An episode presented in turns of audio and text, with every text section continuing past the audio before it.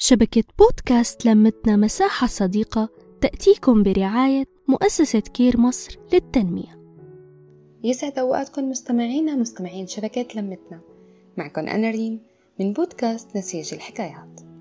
حكاية اليوم طويلة شوي وحابة كتير إنكم تسمعوها. ما بيخلى الأمر إنه في البعض منكم بيعرفها بس البعض التاني لازم ننوه شوي عن بعض الأمور يلي هي حقوق ولا بد إنه ياخدها أو على قليلة يعرفها ظنا من بعض الأشخاص إنه الحقوق يلي حأحكي عنها هلأ هي رفاهيات أو لبن العصفور يلي عم يتقدم لك عزيزتي على طبق من ذهب. حقوقك؟ شو هي حقوقك؟ هلأ الطبيعي إنه تتمتع المرأة بحقوقها يلي بتضمن لها العيشة بحياة كريمة وحرية بعيدة عن الخوف والاستغلال. بخصوص هالشي القانون الدولي لحقوق الإنسان عمل بيان طويل عريض لحقوق المرأة وضح لها كل شي بالتفصيل. مثل ما حأعمل أنا هلأ. وكان من ضمن هالحقوق اتفاقيات ومن ضمنها القضاء على جميع أشكال التمييز ضد المرأة. حتى نكون واضحين إعطاء المرأة حقوقها ما بيقتصر على إتاحة الفرص إلها وبس. لا هو بيشمل تغيير طريقة تعامل المجتمعات والدول المختلفة معها والاهتمام بالمنظمات الخاصة فيها. طبعا هالشي بيأثر بشكل إيجابي بازدهار وتقدم المجتمع. بحلقة اليوم رح ضوي على حقوقها الشخصية ورح نشرح بشكل مبسط شو بيعنوا. حقوقها في إبداء الرأي حقوقها بالعمل أو عدمه. الحق بالحصول على الجنسية والحق في الاقتراض. هاي الحقوق بتندرج تحت بند حقوقها الشخصية. أما بالنسبة لحقوقها السياسية فهون كان في لجنة معنية بالمرأة وفقا للإعلان العالمي لحقوق الإنسان وهي اللي أقرتها ومنها المشاركة بصناعة القرارات العامة والسياسية والمساهمة بتشكيل سياسات الحكومة وتطبيقها. التصويت بالانتخابات والاستفتاءات العامة.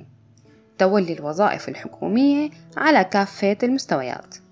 المساهمة بالمنظمات الدولية والغير حكومية.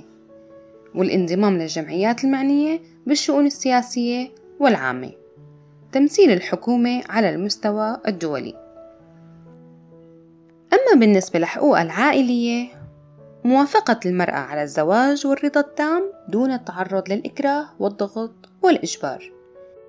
إلزامية توثيق عقود الزواج لدى الجهات الرسمية لتثبت الزواج وتنسب الأبناء. وحقها طبعا في إنهاء عقد الزواج إذا استحال إكمال الحياة الزوجية. وهلأ بنجي لحقوقها التربوية. وهذا الحق بيضمن المساواة بينها وبين الرجل. والقضاء على التمييز مثل المساواة المرأة مع الرجل بفرص العمل والمساعدات والمنح الدراسية. والحد من ظاهرة ترك البنات للدراسة ووضع خطط وبرامج لمحو الأمية.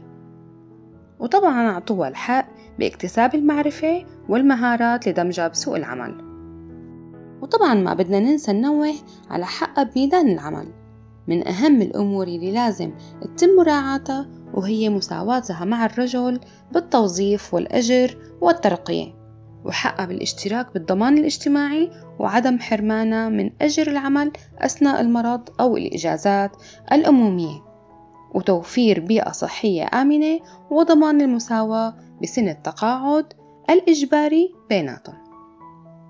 لهون بكون وصلت لختام حلقة اليوم وإن شاء الله أكون قدرت فيدكم بالمعلومات اللي قدمتها. تضلوا بخير واستنوني بحلقة جديدة من نسيج الحكايات.